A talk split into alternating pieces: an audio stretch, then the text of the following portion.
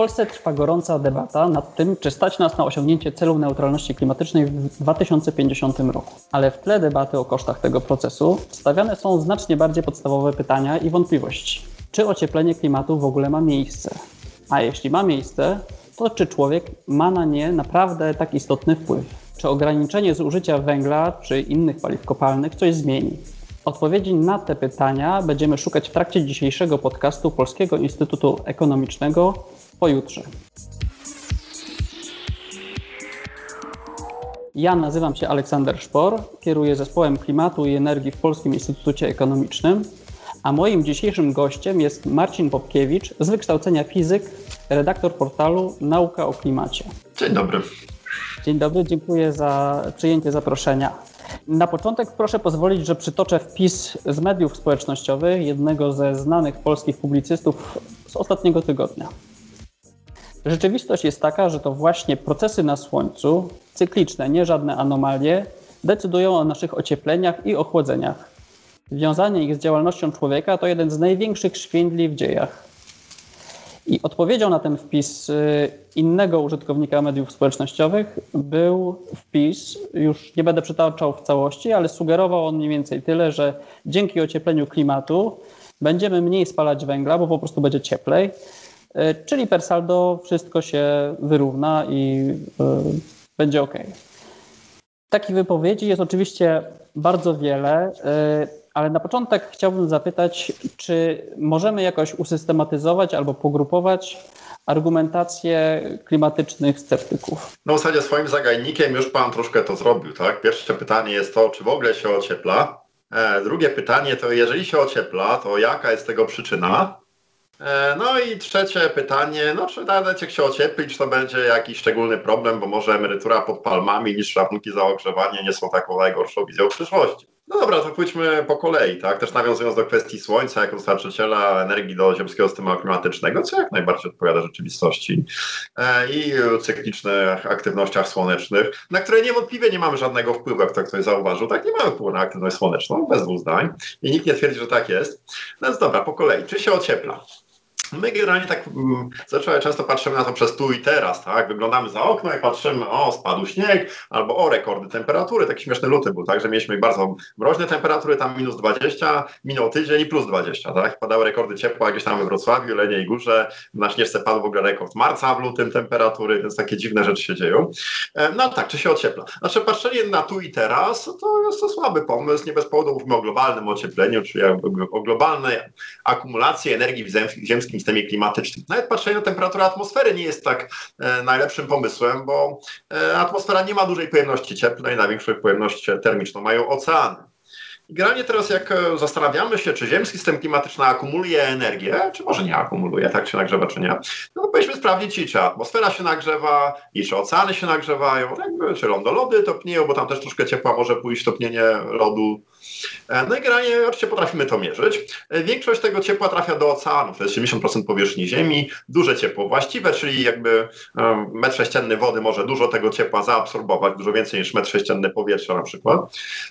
No i łatwo to ciepło jest odprowadzić w głębiny, tam była na głębokość setek metrów i głębi.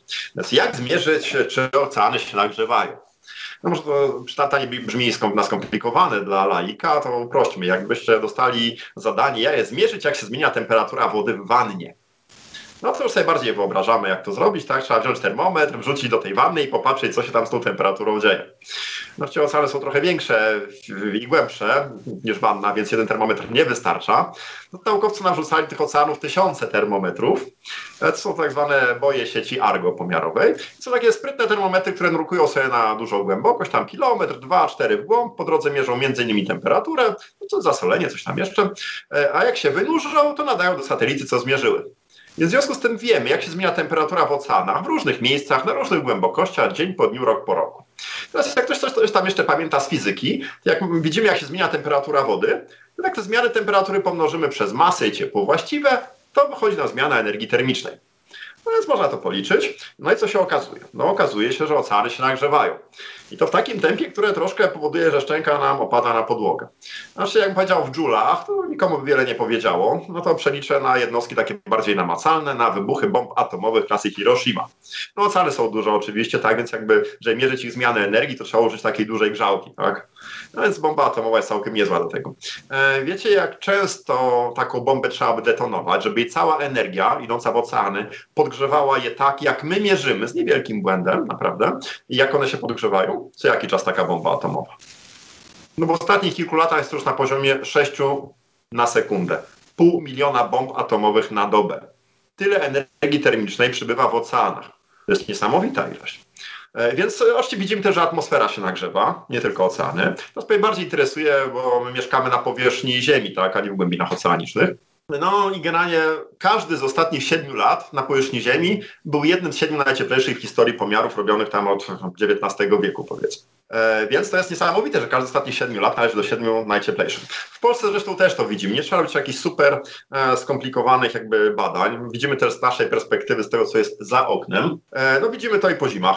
Generalnie ta zima, która ostatnio była, rozmawiamy teraz w lutym 2021 roku, no to był śnieg, przez kilkanaście dni rzeczywiście było mroźno i było wielkie wow. Ja tak patrzę na to, już mam 50 lat skończyłem, więc tak, no dobra, w mojej młodości to nie było, że kilkanaście dni mrozu było i to było jakieś wow, to kurczę, zaczęło się w listopadzie i trwało do lutego jak nie do marca taki mróz i to było normalne, tak? E, a tu po raz pierwszy od prawie dekady mamy no, tak, że śnieg poleżał i już wszyscy są pod wielkim wrażeniem.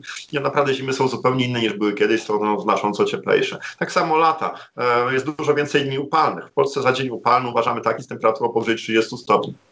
E, no takich dni w czasach mojej młodości było średnio w Polsce kilka rocznie, to małe kilka rocznie. Teraz jest ich kilkanaście co roku.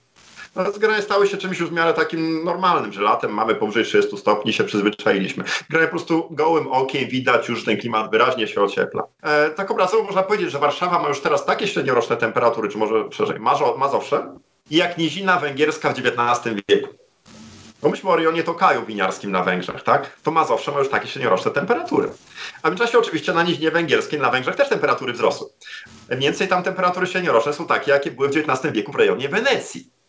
No Wenecja oczywiście też termicznie się zmieniła. Więc generalnie to już widać gołym okiem namacalnie, że planeta nam się nagrzewa. No dobra, to był pierwszy punkt, czy faktycznie się nagrzewa. Widzimy jeszcze inne elementy, typu, nie wiem, znikają e, e, lodowce w Alpach, e, w Himalajach, w Andach, topnieje lód w Arktyce.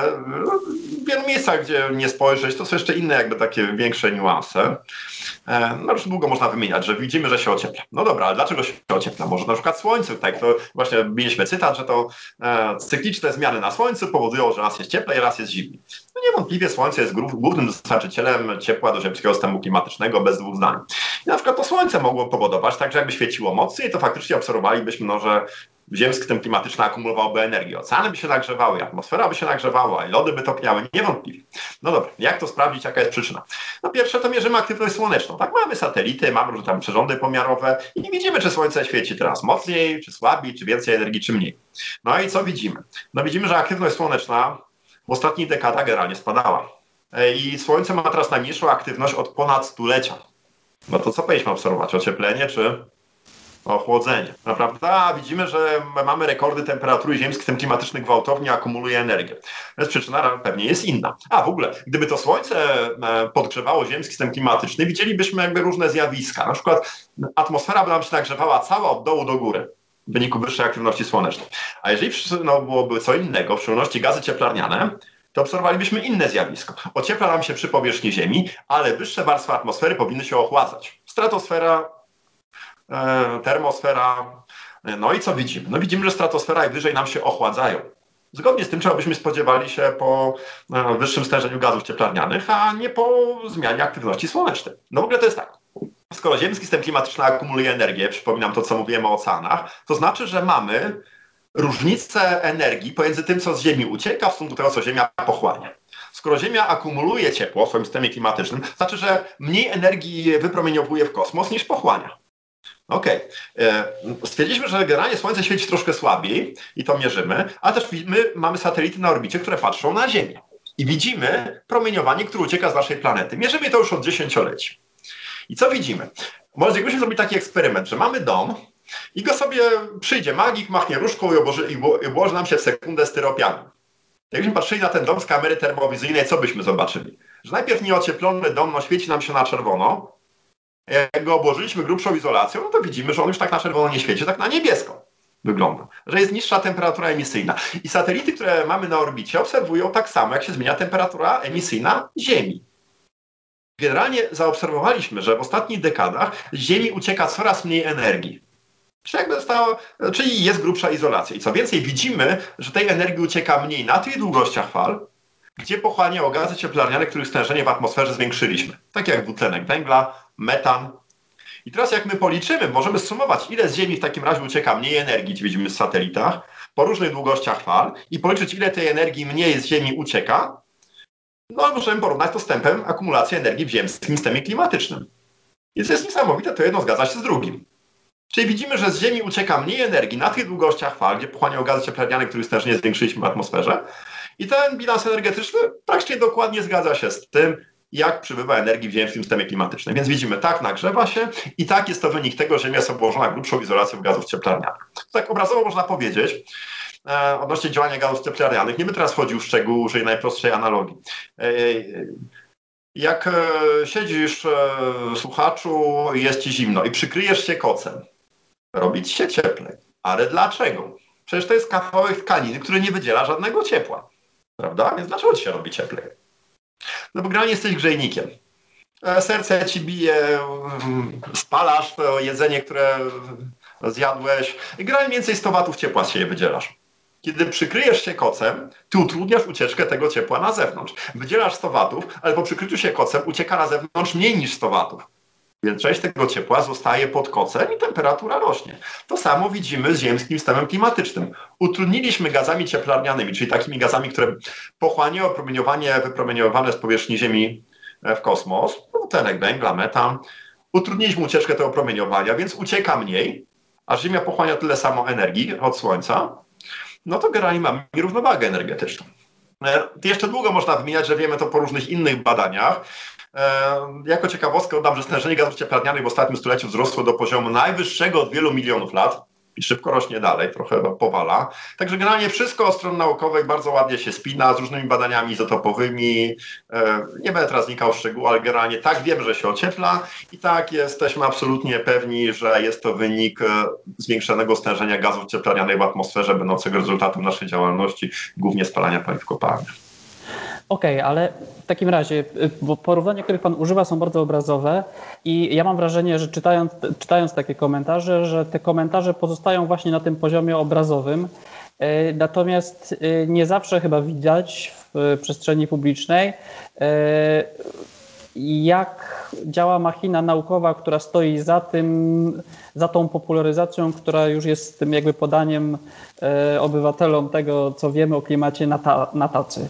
Teraz moje pytanie jest takie, jak, jakie w ciągu nauka o klimacie jest generalnie długo, jest, jest generalnie starą dyscypliną naukową, badawczą, ale moje pytanie jest takie, jak w ciągu ostatnich lat y, rozwinęła się ta nauka, jak z kolejnego raport, raportu na kolejny raport IPCC y, rozwija, co, co odkryliśmy i co wiemy, wiem, czego, o, o co jesteśmy mądrzejsi. No, y, to oczywiście jakby podstawy wiedzy o klimacie i efekcie cieplarnianym to jest pierwsza połowa XIX wieku. No już wiedzieliśmy, że jest efekt cieplarniany, że podnosi temperaturę powierzchni Ziemi. Już też w pierwszej połowie XIX wieku wiemy z grubsza, jakie gazy cieplarniane tam działają. E, I nawet jeszcze z XIX wieku mamy obliczenia Arrheniusa związane z tym, że ponieważ emitujemy dwutlenek węgla spalania węgla wtedy, tak, bo już szła rewolucja przemysłowa, to generalnie spodziewamy się ocieplenia klimatu i nawet z grubsza poprawnie było oszacowane, o ile ten klimat się ociepli, jak stężenie CO2 się podwoi. No i oczywiście w międzyczasie zrobiliśmy olbrzymi postęp zarówno w naszym zrozumieniu e, i całego zachowania atmosfery, transferu radiacyjnego w atmosferze, mechaniki kwantowej, elektrodynamiki. No w czasach Arrheniusa nie mieliśmy takich wynalazków jak smartfony, tak, teraz mamy i nam to działa, dziw na dziwy, mamy tu jakieś procesory, jakiś ekran dotykowy, jakiś wyświetlacz, tam jakiś internet działa, bezprzewodowa transmisja danych, rany boskie, to w ogóle no to, że my to rozumiemy, to znaczy generalnie całkiem nieźle mamy rozkminione co i jak z tą mechaniką kwantową, elektrodynamiką i elektronami, które tam za tym stoją. Więc generalnie nauka działa. No posadziliśmy ostatnio półtora tonowego łazika na Marsie, tak? Po przeleceniu tam setek milionów kilometrów punktowo siadł tam, gdzie chcieliśmy. Także generalnie no, nauka to jest coś, co działa. E, I oczywiście w klimatologii też mamy postęp. Żeby już nie wymieniać całej historii badań klimatu, to zaczniemy w okolicach więcej e, raportów IPCC. One powstają od 1990 roku, czyli już 30 lat. E, robione są raporty IPCC, co 5-6 lat pojawiały się kolejne.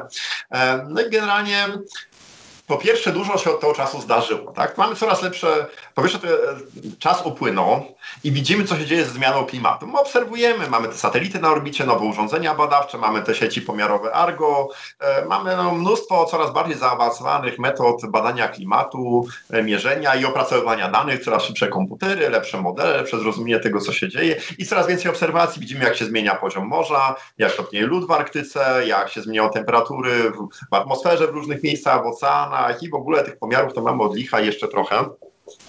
Więc generalnie można oczywiście tak e, spojrzeć na przykład na to, jak sprawdzają nam się te prognozy sprzed 20 lat mniej więcej. Tak? No można porównać, czy może te raporty były jakieś alarmistyczne, a może wręcz przeciwnie, nie doceniały. No jak się zrobiono takie badania porównawcze, czy IPCC to byli alarmiści, którzy przesadzali, czy, czy wręcz przeciwnie, no i generalnie to okazuje się, że IPCC no, całkiem nieźle trafiło ze swoimi prognozami e, odnośnie wzrostu stężeń dwutlenku węgla, czy innych gazów, odnośnie wzrostu temperatury. E, wiem, rzeczy nie doceniło, tempo rozpadu lodu w Arktyce na przykład, albo wzrostu poziomu morza, który generalnie prze, e, często przekracza, czy tam jedzie po najgorszym scenariuszu tam sprzed kilkunastu lat, jak prognozowano. E, generalnie tak mniej więcej jakbyśmy spojrzeli na prognozę IPCC z wcześniejszych raportów, to mniej więcej dwudziestokrotnie IPCC częściej myliło się, w rzeczywistości zmiany klimatu postępowały szybciej niż mówiły średnie prognozy IPCC, a bardzo rzadko było tak, że coś działo się łagodniej i wolniej niż nam się zdawało. Mamy też dużo większą wiedzę o punktach krytycznych, na przykład stabilności lądolodu Grenlandii. E, e, badania z zeszłego roku sugerują, że lądolud Grenlandii już przez całe stulecie, rok po roku traci masę, czyli już w obecnym klimacie, przy ociepleniu o raptem stopień Celsjusza, przekroczył punkt krytyczny, za którym po prostu dalej już będzie topnia. I generalnie takich punktów krytycznych można wymieniać bardzo wiele.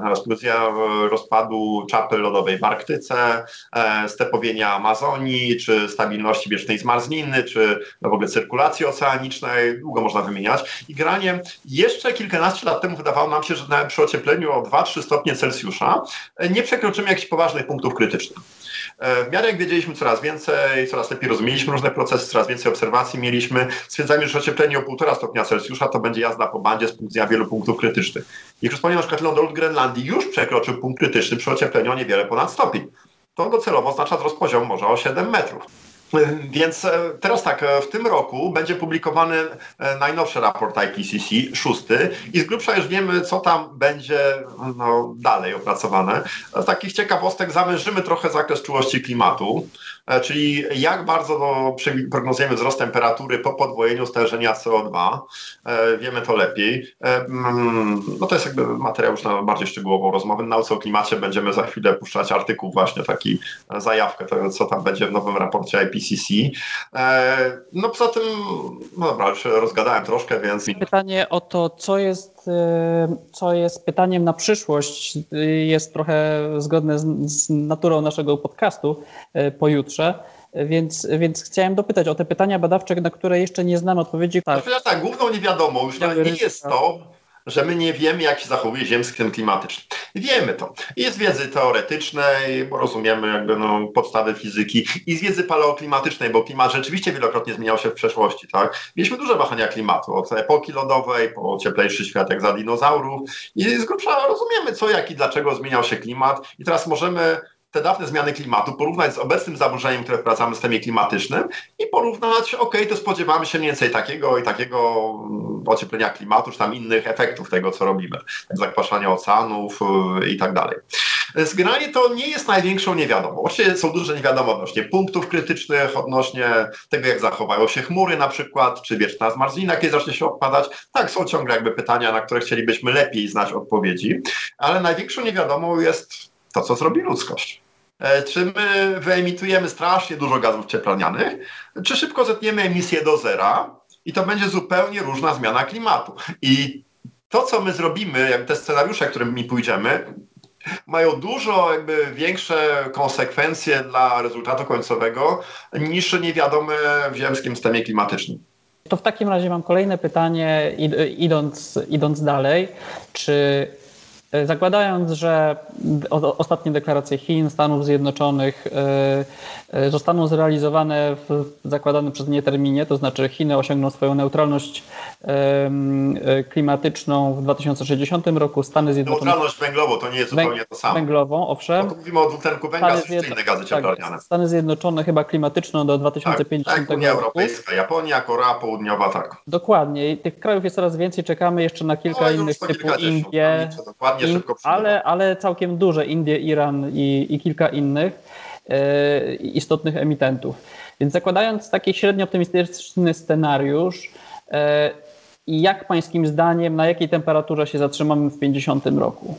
Nasz też 2050 rok to nie jest tak do końca cenzurka najlepsza, ale upraszczając, znaczy w ogóle to jest tak, dwutlenek węgla to zachowuje się troszkę inaczej niż konwencjonalne zanieczyszczenia. My często myślimy zanieczyszczenia powietrza, to smog na przykład, tak?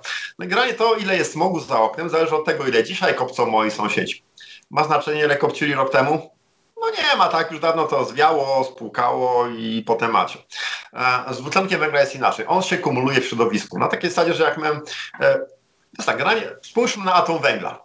On sobie tak e, bez naszej działalności, jak to było w historii, latał sobie gdzieś tam między atmosferą, między roślinami, które pochłaniały w procesie fotosyntezy, gdzieś tam z atmosfery do oceanu, przenikał w jednym miejscu, w drugim wracał i z grubsza ilość atomów węgla krążących w środowisku była stała. Okej, okay, troszkę dorzuciły wulkany, Troszkę pochłonęły procesy wietrzenia skał, mniej więcej bilansują całkiem nieźle emisje wulkaniczne, nikając szczegółu, jak działa termostat węglowy. A gra ilość atomu węgla w środowisku była stała. I teraz przyszliśmy my i zaczęliśmy wydobywać z podziemi no, zasoby węgla, ropy naftowej, gazu ziemnego, no bo to fajnie, można sobie pojeździć samochodami, polatać samolotami, gdzieś tam jakiś prąd zrobić, czy się ogrzać.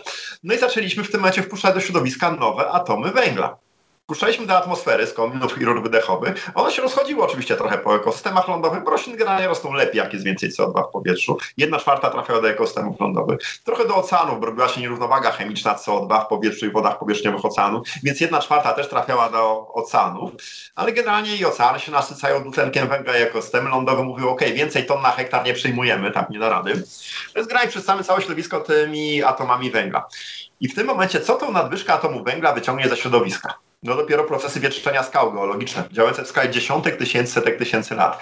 Więc nasze emisje, można powiedzieć, że są na zawsze z naszego ludzkiego punktu widzenia. Bo to trwało dziesiątki tysięcy lat, żeby klimat wrócił do poziomu jakiegoś takiego z grubsza wyjściowego. E, więc liczy się to, ile w sumie wpompujemy do atmosfery, a nie w jakim tempie. To jest trochę tak, jakbyśmy, prosta analogia, dolewali wodę do basenu. Jak teraz emitujemy do atmosfery 100 milionów ton CO2 dziennie na dobę, e, no to jak zmniejszymy o kilka procent, to 90 parę by było. Teraz mamy basen, do którego dolewamy 100 litrów wody na minutę. Jak skręcimy kurek i będziemy dolewać 90 parę litrów wody na minutę, to co, nie przeleje się? To prawda, prawie żadna różnica, nie? Tak samo. Więc generalnie chodzi o to, żeby zmniejszyć emisję o 10%, 20 czy 50%, no ze smogiem to już by coś pomogło, ale o to, żeby zaprzestać wrzucania nowych atomów węgla do cyklu węglowego, do środowiska, czyli wyzerować emisję. Stąd właśnie to, ta neutralność, o której tyle się mówi, neutralność emisyjna netto. E, nawet jak coś tam emitujemy, to tyle samo pochłaniamy, nie wiem, za pomocą lasów, które znowu odrastają, albo jakichś tam innych technologicznych rozwiązań. I teraz tak, zakładając, e, czy, czy tak, byśmy do 2050 roku, gdyby temperatura wzrosła powiedzmy o 2 stopnie Celsjusza, ale nadal byśmy emitowali troszkę wolniej, to później to by rosło dalej, tak, 2,5 stopnia, 3, 4, 5, 6, 7, 8. Więc jakbyśmy spalili tyle samo paliw kopalnych, tylko w dużo dłuższym czasie, spalając je wolniej, to na koniec dnia zmiana klimatu będzie taka sama. E, więc generalnie 2050 rok to może być taki punkt po prostu no, chwilowy. Ale raczej mówi się o 2100 roku, albo nawet wręcz o 2300 coraz częściej, z punktu widzenia jakby tego, jak bardzo ociepli się klimat. Obecnie jesteśmy na trajektorii e, z punktu widzenia, w ogóle to jest tak, te cele neutralności klimatycznej, czy emisyjnej na węglowej, o której mówią Chiny, to nie są jeszcze cele oficjalnie przedstawione przez państwa w ramach e, porozumienia paryskiego. Są tak zwane NDC, Nationally Determined Contributions, czyli wkłady deklarowane przez kraje, których się zasadniczo zobowiązują, chociaż bez sankcji. No i jakby jak spojrzeć na te wkłady, a nie obietnice takie na razie złożone gdzieś tam medialnie, no to jesteśmy na drodze do wzrostu temperatury o 3 stopnie, a nawet więcej do końca stulecia. Gdyby te cele neutralności emisyjnej były faktycznie przyjęte i traktowane poważnie, coraz więcej wskazuje na to, że rzeczywiście są coraz poważniej traktowane, to jesteśmy na drodze do ocieplenia mniej więcej o 2, może 2 stopnie z kawałkiem do końca stulecia. Według Carbon Tracker 2,1 stopnia. No dwa, może dwa z kawałkiem, tak? To już generalnie jest coraz bliżej, tym bardziej powiedziałem, że w miarę jak kolejne kraje dołączają, to jest coraz łatwiej. E, bo coraz łatwiej sprowadzić polityki zasady zanieczyszczający płaci, czyli jak traktujemy atmosferę jak ściek dla komina czury wydechowej, to płacimy za emisję. To jest e, w Europie system handlu uprawnieniami do emisji, tak, gdzie każda tona CO2 wpakowana do atmosfery zaczyna coś kosztować. Na razie duże instalacje, ale to będzie obejmowane też coraz mniejsze ciepłownictwo i inne sektory. Coraz łatwiej będzie wprowadzać cła węglowe na przykład. Coraz tańsze będą technologie alternatywne, bezemisyjne, no bo efekt skali, tak, robi więcej paneli fotowoltaicznych, czy nie wiem, e, baterii, czy samochodów elektrycznych, wprowadzamy nowe rozwiązania, e, zmieniamy infrastrukturę, rozpowszechniamy właśnie domy zeroenergetyczne. E, no jakby coraz łatwiej, coraz taniej będzie to robić, więc jest możliwe, że i sektor finansowy też już wie, że nie inwestuje się w węgiel, to jest dla wariatów grań, którzy chcą moczyć pieniądze, tylko przyszłość jest granie w tych technologiach właśnie rewolucji energetycznej, tam jest biznes do zrobienia. Między innymi dlatego Chiny tak bardzo cisną te technologie, tak, bo wiedzą, że to jest rynek przyszłości generalnie, w to należy inwestować. Zresztą Stany też o tym coraz bardziej wiedzą, Unia Europejska również, tak. Jest tylko taki kraj Węglandia, który ciągle trzyma się zębami węglowej futryny, znaczy Coland mam na myśli, znaczy Poland, tak. Znaczy Węglandia u nas mówią o negocjacjach klimatycznych i my generalnie sobie strzelamy w stopę, żeby czasem nie uczestniczyć w tej ewolucji e, energetycznej jako innowatorzy i beneficjenci netto, tylko żeby kurczowo trzymać się starego modelu E, blokując kreatywną destrukcję w imię starego status quo. To jest naturalne generalnie. Wiadomo, stare status quo generalnie jest okopane, ma dostęp do ucha polityków i zależy mu na utrzymaniu tego starego status quo, no bo na nim zarabia i kreatywna destrukcja jest mu w poprzek. No im dłużej się trzymamy tego skansenu, generalnie tym większą cenę zapłacimy pod wieloma względami. A to jest jakby troszkę osobny wątek. Więc reasumując, jesteśmy obecnie na E, przy realizacji tych deklaracji, które jeszcze nie przekuły się nawet w NDC, na, na poziomie ocieplenia rzędu dwóch stopni z jakimś małym haczykiem. Dobrze, czyli w takim razie rozumiem z, tego, z tej odpowiedzi, że nie mamy szans na y, powrót do przed, sprzed tego okresu. Y, to jest tak, gdybyśmy zaprzestali emisji dzisiaj, czy w ciągu najbliższych kilku lat, to mamy ocieplenie o 1,5 stopnia Celsjusza. Bo jak wspomniałem, liczy się suma. To jest tak z tą dolaną wodą do basenu, tak? Dolaliśmy ileś jest jakiś poziom wody. Żeby zaczęło jej ubywać, to trzeba zacząć ten e, dwutlenek węgla, upraszczając bardziej, atomy węgla usuwać z obiegu szybkiego cyklu węglowego, czyli środowiska, atmosfera, ekosystemy lądowe, oceany. W razie więzić je trwale tak, żeby nie ich w atmosferze. Czyli na przykład zalesiać, wprowadzić jakieś metody technologiczne usuwania węgla, gdzieś tam, coś tam, nie wiem, albo carbon, e, na przykład BESS, tak, bioenergy, carbon e, sequestration and storage, tak, czyli wychwyt CO2 przez biomasę i gdzieś tam to później zakopanie tego na przykład, czy wpompowanie pod ziemię, czy cokolwiek. E, więc e, jakbyśmy wyłączyli emisję w ciągu kilku lat, to i tak mamy plus półtora stopnia do końca stulecia. No za długo zwlekaliśmy z działaniami, tak, że ten poziom wody w basenie obrazowo mówiąc nam się podniósł. E, rozumiem. A w takim razie, aby zrealizować te cele redukcyjne, ambitne 1,5 stopnia, co, jakie technologie moglibyśmy zastosować? Wiadomo, że musimy ograniczać spalanie węgla, wiadomo, że musimy e, dbać o to, aby lasów, które mogą pochłaniać e, gazy cieplarniane, było jak najwięcej. Ale czy mamy jakieś asy w rękawie, czy są, czy ma Pan jakichś faworytów wśród technologii, które, które Pańskim zdaniem mają szansę zmienić coś jeszcze istotnie w Dobra, ja na sytuacji. rzeczy. Znaczy, z naukowego punktu widzenia sprawa jest prosta. E, trzeba zaprzestać emisji dwutlenku węgla do atmosfery i radykalnie ściąć emisję innych gazów cieplarnianych. To jest z punktu widzenia takiego fizyka. E, z punktu widzenia oczywiście cywilizacyjno-gospodarczo-energetycznego odpowiedź jest taka, a, znaczy 2 trzecie, 2 trzecie 70% emisji, jak tam liczyć, e, to jest e, dwutlenek węgla ze spalania paliw kopalnych to nie jest jedyne źródło emisji. Mamy też wylesianie, produkcję cementu, metan wyłykiwany przez krowy, e, czy z wysypisk, czy ryżowisk, czy płatnanek azotu z nawozów, czegoś tam jeszcze. Więc to nie jest tylko i wyłącznie problem paliw kopalnych, chociaż w wielkiej części jest to problem paliw kopalnych. I teraz tak, wspomniał Pan zrezygnować ze spalania węgla. Nie tylko chodzi o węgiel, ale też o ropę naftową i gaz ziemny, bo też są nowe atomy węgla, które pakujemy do środowiska. Owszem, na jednostkę energii one jakby mają niższą emisyjność, ale i tak zdecydowanie za dużo, jak myślimy o wyzerowaniu emisji. Więc generalnie już tak długo zwlekaliśmy z działaniami, że powinniśmy myśleć też i jak pozbyć się ropy i gazu ziemnego z naszej gospodarki. Żeby było jasne, często mylimy gaz z gazem ziemnym, a to może być gaz bezemisyjny, jak na przykład biomet, biogaz, biometan albo gaz syntetyczny zrobiony, nie wiem, z wodoru, z elektrolizy czy jakoś tam inaczej. To też może być metan CH4, tylko nie jako nowe atomy węgla w środowisku. E, więc granie problemy energetyczne przede wszystkim. Jak poradzić sobie bez paliw kopalnych? To jest olbrzymie wyzwanie, bo granie paliwa kopalne są obecnie podstawą naszej cywilizacji, gospodarki i mamy tego pełną świadomość. E, z punktu widzenia pytania o jakie źródła energii, to jest bardzo ważne pytanie. Generalnie widać, że odpowiedź tutaj generalnie orientuje się na wiatr i słońce. Przede wszystkim z, jakąś, e, z jakimś uzupełnieniem biomasy, energii wodnej, być może atomu, to zależy od kraju i scenariusza, ale przede wszystkim jest to problem tego, ile energii potrzebujemy. Bo często myślimy postawić ile wiatraków na lądzie czy na morzu, ile reaktorów, ile upraw energetycznych, e, a to jest wtórne tak naprawdę, ile jouli chcemy dostarczyć, bo fundamentalne jest, ile jouli potrzebujemy. Generalnie większość scenariuszy pokazuje, że fundamentalna jest efektywność energetyczna. Jak się mówię z tobą, e, słuchaczu, na piwo, że sobie przyjadę do ciebie, siądziemy sobie, wypijemy sobie piwko i będzie fajnie, no muszę do ciebie dojechać. Czy ja na co dzień myślę, ile energii zużył pojazd, którym dojechałem do ciebie? Nie, ja się chcę wygodnie do ciebie dostać. Czy myślę, ile gigajouli poszło na ogrzewanie twojego mieszkania? Nie, nie myślę, ja chcę mieć komfort termiczny. Czy myślę, ile kilowatogodzin zużyła lodówka? Mam na to kompletnie wywalone. Ja chcę mieć schłodzone piwo. No i dowcip jest w tym, że mogę mieć takie same usługi energetyczne co obecnie, a nawet lepsze, zużywając ułamek tej energii, którą obecnie zużywamy na transport, ogrzewanie budynków, działanie sprzętów domowych, czy co tam jeszcze. E, bez problemu można ściąć to o połowę. No, być może o jedną czwartą, do jednej czwartej nawet domy energetyczne, efektywny transport, zelektryfikowane miasta jak Kopenhaga, e, długo można wymieniać. E, więc generalnie w tym momencie, jak zetniemy życie energii, to mamy mniejsze zapotrzebowanie na te wiatraki, reaktory, uprawy energetyczne, co tam chcemy. I to jest fundament, naprawdę. Powinniśmy cisnąć efektywność energetyczną.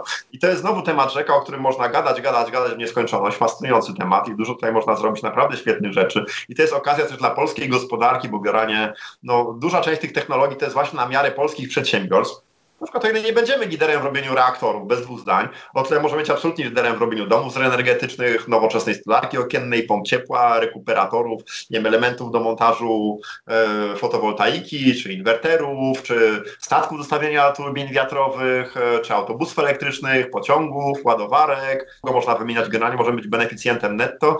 Jak zrobimy w Polsce warunki do rozwoju tego innowacyjnego rynku i nie będziemy sobie sami kłaść pod no, kłód pod nogi w imię obrony status quo, skosniamy istniały wielkich koncernów energetycznych i e, bronienia się przed kreatywną destrukcją, którą przynoszą innowacje. Przyszłość nie, nie, nie rysuje się aż tak czarno, jak niektórzy by sądzili. E, bardzo dziękuję za rozmowę. Moim i Państwa gościem był pan Marcin Popkiewicz e, i zachęcam również Państwa do słuchania naszych kolejnych podcastów. Dziękuję. Dziękuję.